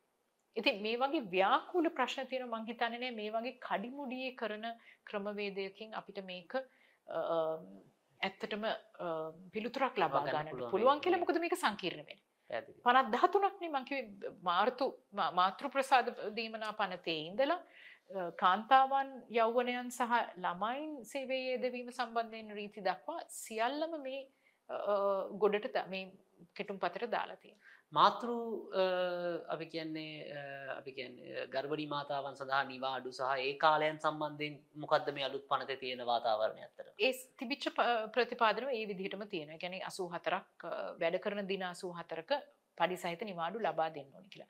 නමුත් එයත් නැවත පැටවිලා තියෙන්නේ හා- හාම්පුතා. හම්පුතාගේ පැත්තට ඔව් මොකද දැන් ලංකාව සම්මත අපරණම අපරානුමත කරලා තියෙනවා මාතෘ ප්‍රසාද දීමනා සම්බන්ධයෙන් ජාත්‍යන්තර කම්කරු සංවිධානයේ 144 144 නෙවෙයි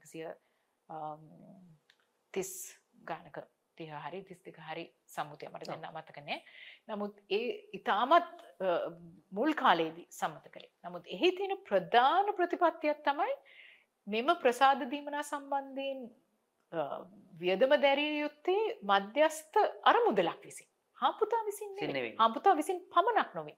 සේවකයා හාම්පුතා සහ රජය මැදිහත් වෙලා ඇත් කරන ඔවුන්ගේ දායකත්වයෙන් ඇති කරන අරමුදලකින් තමයි මේ සියලු ප්‍රතිපාදන. ප්‍රතිලාභ ගෙවිය යුත්තේ. කරන්න සාධාරණයි. දැන් ඒක කරලා. ඒක තොර- නැවතත් හාම්පුතට දාලා තියෙන. ඒතර මේ කාන්තාවට අනිවාර්යෙන්ම නිවාඩු ලබා දිය යුතුයි. ඒ ගැන කිසිම තර්කයක් නෑ තර්කයක් නෑ ලංකාවේ තියෙන තත්ත්වය අනුව ඒ ලබාදීමට කිසිම බාධකයක් නොතිබිය යුතුයි නමුත් හාම්පුතාට ඒ ගෙවන ගමන් වෙන සේවකයෙක් ගන්න බෑ ඒ කාලපත් කාල- කෙටි කාලීන සේවකයෙක් ගන්න බෑ. එතුර මොකක්ද වෙන්නේ? ඉන්න සේවකයන්ට කියන මේ ඔගොල්ලෝ එයාගේ වැඩි බලන්න එතුර මොකක්ද ආයෙත් වෙන්නේ? එතකොට යම්කිසි පුරප්පාඩුවකට ඉල්ලුම් කරනවා නම් කාන්තාවක් සහ පිරිමි සේවකයෙක්. දෙන්නටම එකම සුදුසුකම තියෙන්නේ හෝ කාන්තාවට වැඩිය සුදුසුකම තිබුණා වුණත් ඇය විවාහ වෙලා ළමයි ලබන්න ඉන්න වයස කෙනෙක් නම් හාම්පුතෙකුට හිතෙන්න පුළුවන් මම මේ පිරිමි සේවකයා ගන්න එක වැඩිය හොඳයි. මේ කාන්තාව ගන්නවට වැඩිය හේතුව මට කාන්තාවක් සේවකට ගන්න එකේ වැඩි වියදමක් දරන්න සිද්ධ වෙනවා කියලා.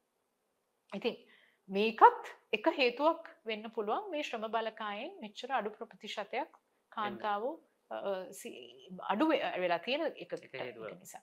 ඉගැන පාර්ලිමේන්තුවෙන් වුණත් මං හිතන්නේ එක සැරේ හිටපු කම්කරු අමාත්‍යවරයෙක් කිව්වා ඉතාමත්ම කනගාටුයි කියන්න මතක් කරන්නවත් කාන්තාවන් මට සේවයට ගන්න විදිහක් නෑ රාජ්‍ය සේවයේ ඔක්කොටම මාතෘ නිවාඩු දෙන්න ඕනි කියලා. ඒක ඉතින් ඒක ඇත්ත. ඒක රාජ්‍ය සේවයේ හැදිලා තියෙන විදිහ. මොකද රාජ්‍ය සේවයේ මාස 9ක් දක්වා මාතෘ නිවාඩු ලබා ගන්න පුළුවන්. ඒක ඔවුන්ට දීලා තියෙන අයිතියක්. ඒ අයිතිය ලබා ගැනීම සම්බන්ධයෙන් කාන්තාවන්ට වැරදි කියන්න බෑ මේ දරුවාගේ යහපත සඳහා නෙමේ නිවාඩුව දෙන්නේ කාන්තාවට ගෙදරින් ඉඳලා විවාහ විවේක ගැනීමකට නෙවෙයි. ලංකාවේ දරුවන්ගේ සුභසිද්ධිය සඳහා මේක දෙන්නේ කියන එක අනාගත පරපුර වෙනුවෙන් කියන එක අපි ඒක තේරුම් ගන්න ඕනේ. මොකද කිරිලා දරුවන්ට කිරිදීමේ අ, අ, වි- විවේක කාල පවා ලබා දීලා තියෙනවා මේ පනත් යටතේ. ඉතින් ඒක අපි බලන්න ඕනේ මේක මේ කාන්තාවන්ට ලබා දෙන වැඩි ප්‍රතිලාභයක් හැටියට නෙවෙයි තම් අනාගත පරපුර වෙනුවෙන් වෙනුවෙන් දෙන යම්කිසි විදිහක අපි සැලසුමක් හැටියට. මොකද මේ මවගේ අ, අ, මව්කිරිදීම අනිවාර්ය කරලා තියෙනවා මාස 6ක් දක්වා ලංකාවේ. නිර්දේශ කළ තියෙන අනිවාර්ය නෙවෙයි නිර්දේශ කරලා තියෙනවා ඒ තමයි ඉතාමත් සුදුසු දේ කියලා. ඉතින් ඒ වාතාවරණය යටතේ මේ නිවාඩු දීම සම්බන්ධයෙන් කාන්තාවන්ට දඬුවම් කරන්න බෑ. නමුත් ඒක ඒ නීති හදලා තියෙන්නේ කාන්තාවන්නම දඩුවම් වෙන ඔව්. ඔවුන් වෙනුවෙන් ඉන්න අනිත් පිරිස්. දඩුවම් වෙන නීතිය. නිරන්තරයෙන්ම හාම්පුතෙකුට හිතෙන්න පුළුවන් මේ සේවිකාව සුදුසුයි කියලා මට හිතෙනවා මීට වැඩිය හොඳට වැඩ කරන්න පුළුවන් අනිතක හොඳ සුදුසුකම් තියෙනවා නමුත් මම පිරිමි කෙනාව පිරිමි. සේවකයාව අප ඉල්ලුම්කරුව සේවයට බඳවා ගන්නවා මොකද මේ තියෙන වියදම අනුව ඉතින් දැන් තියෙන අවස්ථාව අනුව ලංකාවේ එය තර්ක කිරීමට හෝ බෑ සම්බන්ධයෙන් යම්කිසි නීතිමය අයිතිවාසිකමක් හෝ කාන්තාවකට ඉදිරිපත් කිරීමට බෑ පුද්ගලික අංශේ රාජ්‍යන්සේ පුළුවන්. ඉතින් මේ පනතින් එය ඇති කරලා තියෙනවා. ඒ කියන්නේ කිසිම හේතුවකට කාන්තා පිරිමි වශයෙන් සහ වයස් අනුව වයස පුළුවන්. තමන්ගේ ජාතිය, තමන්ගේ ආගම, ස්ත්‍රී පුරුෂ ලිංගිකභාවය, සමාජභාවය සම්බන්ධයෙන් අ, කිසිම වෙනසක් කරන්න බෑ කියලා ඒ පළමු වතාවට ඇතුළත් කරලා තියෙනවා. නමුත් ඒ සම්බන්ධයෙන් ගත හැකි ක්‍රියාමාර්ග මොනවද කියන එක ඇත්තටම පැහැදිලි නෑ. මොකද අපි කම්කරු දෙපාර්තමේන්තුවට නම් මේ සම්බන්ධයෙන් පැමිණිල්ලක් ඉදිරිපත් කරන්න පුළුවන්. එතන ප්‍ර- ප්‍රශ්න ග- ගැටලුවක් ඇති වෙනවා. මොකද මූලික අයිතිවාසිකම් සම්බන්ධ ගැටලු නි- නි- අ, අ, තීන්දුව කරන්න පුළුවන් ශ්‍රේෂ්ඨාධිකරණයෙන් පමණයි ලංකාවේ. දැනට තියෙන තත්ත්වය අනුව රජයේ යම්කිසි අ, හේතුවක් අනුව. ඉතින් ඒ නිසා මේවා කොහාටද යන්න ඕනේ? කම්කරු දෙපාර්තමේන්තුවට මේ සුදුසුකම් තියෙනවද මේ සම්බන්ධයෙන් අධ්‍යයනය කරන්න? හැමෝම කම්කරු නිලධාරීන් නීතිඥවරු නෙවෙයි. අ, එතකොට මේ දිස්ත්‍රික් උසාවියකට යන්න ඕනේද? ඒ ප්‍රතිපාදන මේ නීතියේ නෑ. නමුත් පළමු වතාවට ඒ විෂමතාවයන් විෂමතාවයකින් සැලකීම සම්බන්ධයෙන් අයිතියක් ඇති කරලා තියෙනවා සේවකයන්. සරලවම කියනනම් මේ පනතෙත් අර බලාපොරොත්තු වෙච්ච විදියට කාන්තාවන්ට තන් ප්‍රසූත නිවාඩු සඳහා ඒ තිබ්බ එකම තමයි මූලික වශයෙන්ම ඉස්සරට අරගෙන කියල තියෙන්නේ තේවයක සම්බන්ධයනුත් ඒ වාතාවරණයම තමයි අ, හුඟක් දුරට දුරට බොහෝදුරට අරංගිල තින්නේ එකර කම්කරු කොමසාරිස්වරයකින් අවසර ගැනීම පමණයි දැන්වීම දැන්වීම. අවස- අවසර ගැනීම අයින් කළ නමුත් හැම සෙවකට මෙතෙක් කල් සේවකයන් පහලවක් ඉන්න සේවකයකුට පමණයි අදාළ අ, මට මතක හැටියට මේ පනතේ ඒක ඉවත් කළ ඉවත්. හැමෝටම. කෙනෙක් හිටියත් එයාටත් ලක්ෂ විසි භාග්‍ය ගෙවන්න වන්නේ. සේවෙන් අයින් කරනවා නම් අ, යම්කිසි විනය හේතුවකට හැර. හැර. ඉතින් කිසිම ගෙවීමක් නොකර සේවකයෙක් එලියට දාන්න පුළුවන් කියන කතාව නෙවෙයි මෙතනදී අපි කියන්නේ. නමුත් මම ඒකට ඉස්සෙල්ලා යම්කිසි විදිහකට අරමුදලක් අපි ඇති කරලා එන්න ඕනේ මේ ක්‍රමවේදයන් සඳහා. මොකද ඇයි හාම්පුතෙකුට දඬුවම් කරන්නේ සේවයක් ලබාදීම සේවකයක් සේවයක් ලබා දීම එතකොට තමයි ශාමලීකව පළවෙනි අපි කියන්නේ මේ ඕනම කම්කරු නීතියක පදනමක් තියෙනනේ පදනම තමයි රැකියාව උත්පාදනය කිරීම. එතකොට රැකියාව උත්පාදනය කිරීමෙන් එළියට පැනලා රැකියාව උත්පාදනය කරන හාම්පුතුන්ට දඬුවම් කිරීමේ පදනමකින් තමයි දැනට කම්කරු නීතිය ඒයින් එහාට ගිහිල්ලා තියෙනවා කියලා අපිට කියන්න. අමාරුයි. ශාමලී කලින් සාකච්ඡාවේදී කිය ප්‍රධාන එකක් තමයි අර අපේ තියෙනවනේ වේජස් බෝඩ් කියලා ඒ වගේ ඇක්ට් එක තියෙනවා වේජස් බෝඩ් මම හිතන්නේ 40 තුනක් තිබුණා. 43ක් තිබුණා. දැන් මේ අලුත් පනත හරහා ඒවට මොකද කරලා තියෙන්නේ? ඒවා ඉවත් කරලා ඒවා, මොකද කම්- පඩියාපාලක සභාව පඩිපාලක සභා ආඥා පනත ඉවත් කරලා ඉවත් කරලා තියෙනවා. ඒ නිසා ඒ හැම දිනාම දැන් අවම වේතනයට පනතර යටත් වෙන්න ඕනේ අවම වේතනයත් මේකටම ඇතුළත් කරලා කොච්චරද. දැන් අලුතෙන් දාලා තියෙන අවම වේතනය දල වශයෙන්? අවම වේතනය මේ වැඩි කරලා නැහැ තාමත් තියෙන 16 රුපියල් 16000යි. සම්මන් හිතන්නේ හුඟක් වෙලාවට දවස් දෙකක වියදම යනවා ඇති ගෙදරකට සාමාන්‍ය ගෙදරකට ඒ මුදල යනවා ඇති දවස් දෙකකදී. ඉතින් අපි බලන්න ඕනේ කොච්චරමත් මේවා කියලා. අතුනට පස්සේ දැන් මුදල් වල වටිනාකම කලින් තිබ්බ වටිනාකම නෙවෙයිනේ. නෙවෙයි ඔව් ප්‍රායෝගිකද කියලා නමුත් ඒක වෙනම කතාවක්. නමුත් ඒ අනුව පඩිපාලක සභා ඉවත් කරලා ඒ සම්බන්ධයෙන් වේජස් කවන්සිල් එහෙම නැත්තං වේතන කවන්සිලයක් එම නැත්තං යම් කිසි සමුළුවක් සම්මේලනයක් හෝ උපදේශක සභාවගේ වගේ හදන්න ක්‍රමවේදයක් ඇති කරලා තියෙනවා නමුත් ඒ කොයිතරන් දුරටකට ඒවා යථාර්ථය මත මේ වේතන හැදේද කියන එක හිතාගන්නට බැහැ. මහිතන ඊට වැඩිය පහසු ක්‍රමය තමයි අපි ඉස්සලා කියලා තිබුණා වගේ මේක මේ කෑලි කෑලි වලට කඩකට යන්නේ නැතුව හැමෝටම බලපාන පැයක වේතනය කීයද දෛනික වේතනය කීයද මාසික වේතනය කීයද ඒ වගේ වේතනයක් නියම කරා නම් යම්කිසි මේ විශේෂඥ මඩුල්ලක් හරහා වෙනත් රටවල් වල කරනවා වගේ මිනිමම් වේජ් එක සැරින් සැරේට වෙනස් කරනවා. ඒ කෙරෙන්නේ හුඟක් වෙලාවට මේ රජයේ වුමනාවටවත් කම්කරුවන්ගේ වුණාටවත් සේවකයන්ගේ හම්පුතුන්ගේ වුණාටවත් නෙවෙයි. නමුත් යම්කිසි විදිහකට ආර්ථික අංකන කිරීමක් මත. ඉතින් ඒ අනුව යම්කිසි විදිහකට වෙනස් වෙන ක්‍රමයක් ඇත්තටම ඇති කරා නම් එය සරලයි කියලා අපිට හිතන්න පුළුවන්. මොකද දැන් තියෙන අවම වේතනයට මම හිතන්නේ වත්තේ වැඩ කරන කෙනෙක්වත් හොයාගන්න පුළුවන් කියලා. ඉරිපස්ස ශාමලි අපි සාකච්ඡාවත් වෙලා යනවා. ප්‍රශ්න තීරණ අපි අනිවාර්යෙන් යොමු කරන්න. අපි ඊට පස්සේ දැනගන්න ඕනේ නිවාඩු සම්බන්ධයෙන් මොන හරි වෙනසක් වෙලා තියෙනවද? මොකද ලංකාවේ බොහෝ දෙනෙක් නිවාඩු ගැන හරිම සැලකිල්ලක් දක්වනවා. මේ අලුත් පනත හරහා නිවාඩු වලට මොනවා හරි වෙනසක් වෙනවද? නිවාඩු ඇත්තටම එක පැත්තකින් හොඳ දෙයක් සිද්ධ වෙලා තියෙනවා. මොකද මීට ඉස්සෙල්ලා පරිපාලක සභාව යටතේ තිබුණේ වාර්ෂික නිවාඩු විතරයි. ඒ කියන්නේ අපි කියන විවේක නිවාඩු වෙන තැනුවල් ලීව් පමණයි. ඔවුන්ට අසනීප නිවාඩු හෝ අනියම් නිවාඩු කැෂුවල් ලීව් කියන දෙක හිමි වුණේ නැහැ. දැන් මේ අවස්ථාවේදී ඔවුන්ටත් අපුහා කාර්යාල සම්පානත යටතේ තිබුණු ප්‍රතිපාදනයම ඉදිරිපත් කළ තිනවා. මේ හොඳ දෙයක්. මොකද නැත්තම් අපි දැක්ක කොවිඩ් කාලයේදී හුඟක්ම මේ පැතිරීම වැඩි වුණේ සේවකයෝ අසනීප වෙලා ඉන්නකොට එය නොදන්වා සේවයට වාර්තා කරනවා Tamanට අසනීප නිවාඩු නැති නිසා. මොකද ඒ නිවාඩු නැතුව ඔවුන්ට පඩියක් නැතුව ඒ දින උට අනිවාර්යයෙන්ම සේවයට නොපැමිණීමට අවසර දෙයි. නමුත් ඔවුන්ට වේතන ලැබෙන්නේ නැහැ. ඒ නිසා ඒ වාර්තා කිරීමක් අපි දැක්කා. ඒ නිසා මේ ඇත්තටම හිතන්න පුළුවන් මේ පැතිරීම වැඩි වුණා කියලා. ඉතින් ඒ පැත්තෙන් බලනකොට ඒ සම්බන්ධයෙන් හොඳ දෙයක් සිද්ධ වෙලා තියෙනවා. නමුත් ආයෙත් ප්‍රශ්නේ තියෙන්නේ හුඟක්ම ව්‍යාකූලයි මේ හිලව් නිවාඩු එතකොට හිමි නිවාඩු කොහොමද ඒ සතියට එන නිවාඩු ගෙවන නිවාඩුද නොගෙවන නිවාඩුද මේ තත්ත්වය ආයෙත් ව්‍යාකූල වෙලා තියෙනවා මේ කෙනෙකුට තමන්ගේ මොනවද අයිතිවාසිකම් කියලා දැන ගැනීම සඳහා. එතකොට කෙටිකාලීන සේවකයෙකුට පාර්ට්ටයිම් අර්ධකාලීන සේවකයෙකුට හිමි නිවාඩු මොන ආකාරයේද? උන්ට නිවාඩු දීමට ඇත්තටම සති නිවාඩු හිමි නැහැ. උන්ට හිමි වෙන්නේ යම්කිසි විදිහකට වැඩ කරන ප්‍රමාණය අනුව යම් වාර්ෂික නිවාඩු ප්‍රමාණයක් අනුමත වෙලා තියෙනවා. නමුත් මේ වගේ දේවල් තියෙනවා. එතන ඇත්තටම ලොකුම ප්‍රශ්න සහගත දෙයක් නෑ. ඒ ඇත්තටම වෙනස් විය යුතුයි. මොකද ලංකාවේ තියෙන නිවාඩු ප්‍රමාණය අපිට කළමනාකර ගන්න කරන්න බැරි හේතුව අපිට මෙච්චර ප්‍රමාණයක් මේ රජය නිවාඩු තියෙන නිසා. එහෙම නැත්නම් වෙළඳ නිවාඩු තියෙන නිසා. මොකද මං කිව්වේ ඊට ඉස්සෙල්ලත් මං කියලා මං හිතන්නේ දරණාතුන් මගෙන් අහුවා ඒක වැරද්දක්ද කියලා. හඳ පිරුණාමත් අපිට නිවාඩු දවසක් තියෙනවා.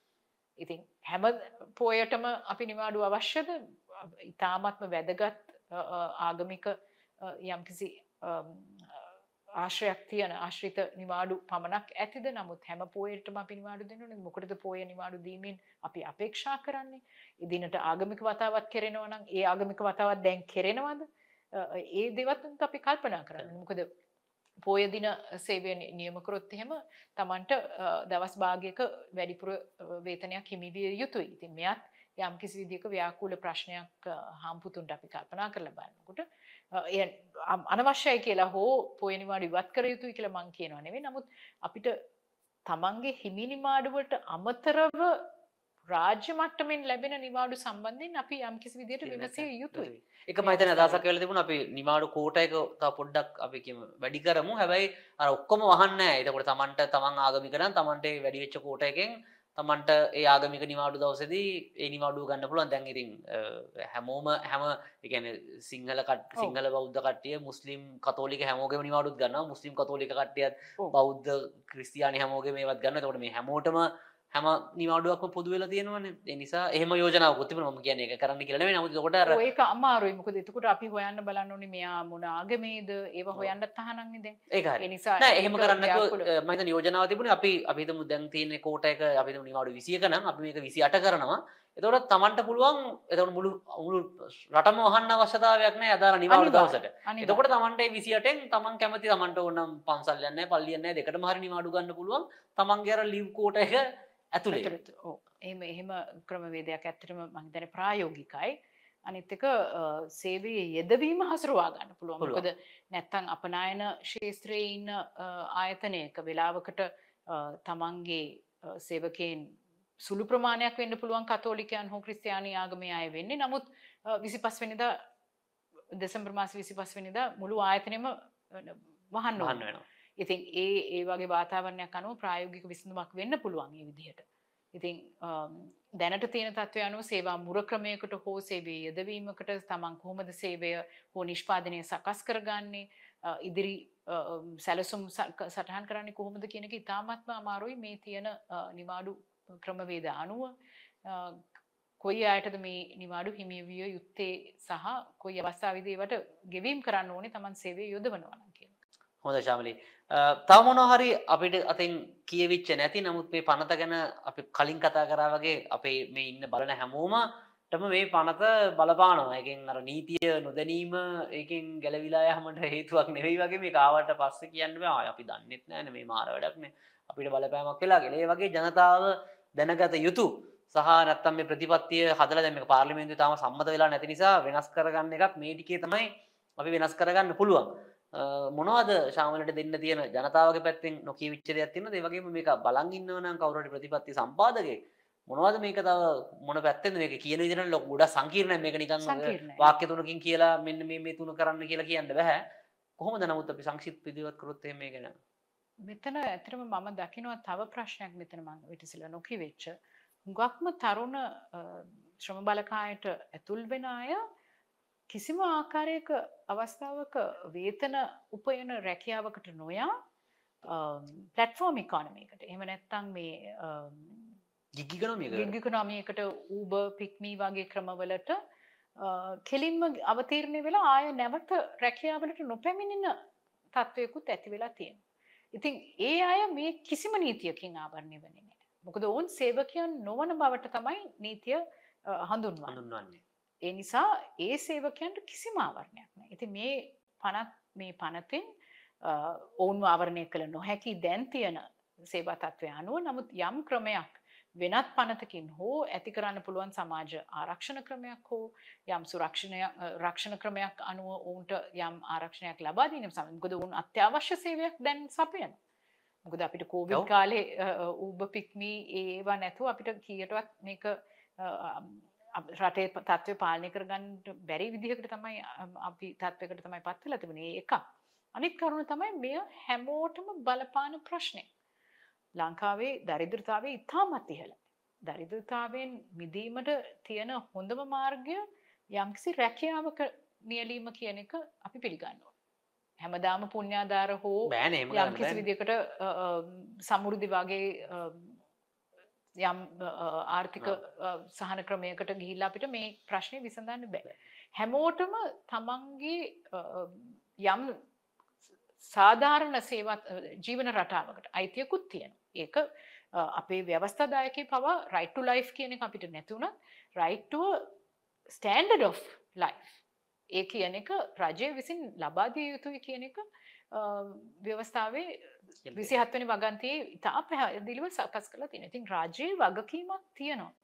වැඩ කරන දරිද්‍රතාවෙන් මිදීමට හොඳම මාර්ගය රැකියාවන ඒ රැකියාව තමන්ට දරිද්‍රතාවෙන් මිදීමට හැකි රැකියාවක් වීමට වග බලාගන්නකට රජය යුතුමකමක් තියෙන. ඒ තමන් කරන රැකියාව නිසා තමන් තව තවත් දුරට දුප්පත් බවට පත්වෙනවාන.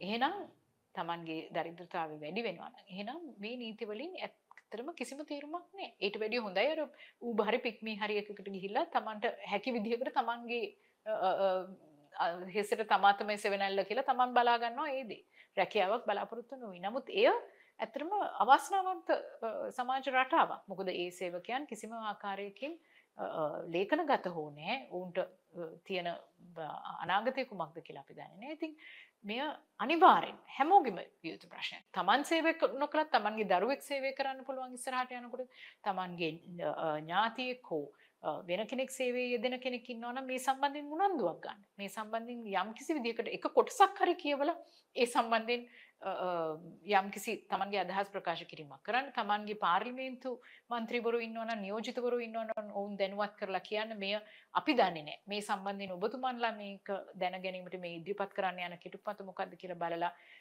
දෙපැත්තටම සාධාරණ වෙන විදිහට මම මෙතන කිසිම කෙනෙකුගේ පාක්ෂික පක්ෂග්‍රාහි විදියට කතා කරනවා නෙමෙයි නමුත් රටට සේවයක් වනවට රැකියා උත්පාදනය වන විදිහකට මේ පනත සංශෝධනය කරන්න මේ කරන දේ නැත්නම් ප්‍රතිඵලයක් ඇති වෙන්නේ නැහැ. පනත සම්මත කරාට පස්සේ අපි පාරට බහිනවා කියලා කතා කරලා වැඩක් නැහැ. ඒක මං හිතන්නේ කවුරු හරි කියලා තිබුණා කාන්තාවන්ගේ පැයාටේ වැඩමුළුවට අත තිබ්බොත් අපි බහිනවා පාරට කියලා. ඒක කිසිම තේරුමක් නැති කතාවක්. මොකද දැනටත් කාන්තාවෝ අතිකාල සේවයේ යෙදෙනවා කිසිම ආරක්ෂණයක් නැතුව. සමහර සාප්පුවා කාර්ය සේවා පනතෙන් ආවරණය නොවන සාප්පු තියෙනවා. ඒ කියන්නේ ලංකාවේ අමුතුම ක්‍රම තියෙන්නේ. සේවකයෝ හතරකට වැඩිය ඉන්න සාප්පුවක් තියෙනවා නම් එය සාප්පුවා කාර්යාල සේවක පනතින් දැන් ආවරණය වන්නේ ඒ යන්නේ පඩිපාලක සභාවකට. කිසිම පදනමක් නැහැ. නමුත් ඒ පඩිපාලක සභාවට වැටිච්ච ගමන් මොකද වෙන්නේ? අර සාප්පුවා කාර්යාලය පනතේ තියෙන සීමාවලින් මිදෙනවා. ඒතර ඕන තරම් අතිරික්ත කාලය වැඩ කරන්න පුළුවන්. කිසිම සීමාවක් නැතුව රාත්‍රී කාලයේ ඕන තරම් කාන්තාවන් සේවය දවනවා. ඒවට බහින්න පඩි පාරට. කාන්තාවන්ට වන හිරහැරවලට බහින්න පාරට. මේ කාන්තාවන්ගේ සේවා මුරයට අත තිබීම නෙමෙයි ලංකාවේ තියෙන ලොකුම ප්‍රශ්නය. ඊට වැඩිය ලොකු ගොඩක් ප්‍රශ්න තියෙනවා. මොකද ඇත්තටම ඕනෑම කෙනෙකුට අවස්ථාව තියෙන්න ඕනේ තමන් රැකියාවක් කරන්න කැමති නම් රැකියාවක් තියෙන්න ඕනේ කරන්න. කාන්තාවක්ද පිළිමිද කියන එක නෙමෙයි ප්‍රශ්නය. තමන්ට යම්කිසි විදිහකට සුනිසි තත්වයක් තියෙන. එහෙම නැත්නම් අපි කියනවා යම් ජීවිකාවක් කරගෙන යන්න පුළුවන් ජීවන රටාවක් ගෙනියන්න පුළුවන් යම් ආදායමක් ලැබෙන රැකියාවක් කිරීමට අයිතිය තිබිය යුතුයි. ඉතින් ඒ අයිතිය වෙනුවෙන් පාරට බහින්න බහිනවා නම් නමුත් මේ අනිත් මේ බොළඳ දේවල් වලට නෙමෙයි. පැහැදිලි. ජේෂ්ඨ නීතිඥ ශාමලී රණරාජා මහත්මියට අපි ඉතාමත්ම ස්තුතිවන්ත වෙනවා අපිත් එක්ක කතා වෙලා මේ සාකච්ඡාවට සම්මුඛ වෙලා මේ පවතින කම්කරු නීතියෙන් අපි ඉස්සරහට යන්න හදන කම්කරු නීතිය ගැන සැකෙවින් මේක තියෙන ගැටලු තිබ්බ තත්ත්වය සහ මේක තියෙන හොඳ නරක හැම දෙයක් ගැනම අපිට පැහැදිලි කරාට හැබැයි මේක බොහොම සංකීර්ණ එකක් මේක ගැන අපිට ඕනනම් සර්ව රාත්‍රික වශයෙන් සාකච්ඡා කරන්නත් පුළුවන්. මේක ඉච්චරට ගැඹුරු කතාවක්. නමුත් අපි මෙතනදී සාමාන්‍ය ජනතාවට වැදගත් වෙන ප්‍රධාන කරුණු ගැන තමයි අපි මූලික වශයෙන් මොකද හැමෝම බලන්නේ ජොබ් එකේ සිකියුරිටි එක කාන්තාව බලන්නේ උන්ට සම්බලකායට දායක වෙන්න පුළුවන්ද? උන්ට මාතෘ නිවාඩු ගනිද්දීකට මොන වගේ බලපෑමක්ද තියෙන නිවාඩු සම්බන්ධයෙන් අපි මේ මූලික කරුණු විතරයි අපි සාකච්ඡා කර අපිට දෙන කෙටි වෙලාවත් එක්ක. නමුත් අනිවාර්යයෙන්ම ගිහිල්ලා ඕගොල්ලොත් ඒ කෙටුම්පත එන විදිය අනුව සහ පාර්ලිමේන්තුවට දාන්න කලින් ඔබේ පලාතේ ඉන්න ඒ පාර්ලිමේන්තු මන්ත්‍රීවරුන් හරහා මේ පනත සාර්ථක කරගන්න මං හිතන්නේ ඒ අදාළ යෝජනා චෝදනා බාර දෙන්න. නමුත් මතක තියාගන්න හැබැයි මේකේ පදනම තමයි අපේ මේ පනත හැදෙන්න ඕනේ රැකියා උත්පාදනය වෙන විදියට. ඒක තමයි අපේ කම්කරුන් පනතේ අපි කියන්නේ මූලාරම්භය නැත්තම් ඒ ඒක තමයි අපේ අත්තිවාරම ඒක මත ඉඳලා තමයි අපි මේක හදන්න ඕනේ. මොකද අපි හැමෝටම ඕනේ රැකියාවක් කළා ආදායමක් උපයගෙන අපේ ආදර කරන පිරිස බලාගෙන ජීවන මට්ටම ක්‍රමක්‍රමයෙන් ඉහළ නංව ගන්න ලෝක ආර්ථිකයට යම් කිසි දායකත්වයක් දක්වලා ඒකෙන් ආදායමක් උපයගෙන අපි හැමෝටම ඕන හිටියට වඩා හොඳට ජීවත් වෙන්න සන්තෝෂයෙන්. ඉතින් ඕනෑම රැකියාවක් නෙවෙයි. යම් කිසි පිළිගත හැකි තත්වයක් තියෙන රැකියාව. සුනිසි සේවය කියලා අපි කියන්නේ ඒකයි. වහල් සේවයක් නෙවෙයි. බොහොම ගෞරවනීය විදියට නැත්නම් අර ඩිග්නිටි කියලා කියන්නේ අපිට ගෞරවනීය විදියට වැඩ කරන්න පුළුවන් රැකියාවක් කරගෙන අපේ ජීවන මට්ටම ඉහළ නංවන්න තමයි අපිට අවශ්‍ය. ඉතින් ඒ වගේ සාකච්ඡා බලන්න පුළුවන් ඇඩ්වොකට් එක අනිවාර්යෙන් සබ්ස්ක්‍රයිබ් කරන්න. ඇඩ්වොකට් කතාවල විතරක් නෙමෙයි ඇඩ්වොකට් ප්ලස් එක ඇඩ්වොකට් ඉන්ස්ටිටියුට් එක හරහා ඉංග්‍රීසියෙන් අපි ඉන්නවා ප්ලස් එකේ අපි ඉන්නවා සිංහලෙන්. ඇඩ්වොකට් කුරල් එකේ අපි බලා ගන්න පුළුවන් ද්‍රවිඩ භාෂාවෙන්. ඒ වගේම අපි ඉතින් හැම සමාජ මාධ්‍ය ජාලාවකම ඉන්නවා. ටික්ටොක්ද ලින්ක්ඩින්ද ෆේස්බුක්ද ඉන්ස්ටග්‍රෑම්ද ඕන එකක අපි හොයාගන්න එච්චර අමාරුනෑ අපිව සර්ච් කරන්න නැවතත් මං සූතිවන්ත වෙනවා. දේශනීතිඥ ශාමලට රජමහත්මයට අපිත් එක්ක සාකච්ඡාවට සම්බන්ධ වුණාට අනිවාර්යයෙන්ම එහෙනම් මේ සංවාදය ෂෙයා කරන්න අපි ආයි පාරක් මේ වගේම ඇඩ්ව කතා එකකින් හම්බෙමු. බොහොම ස්තුතියි.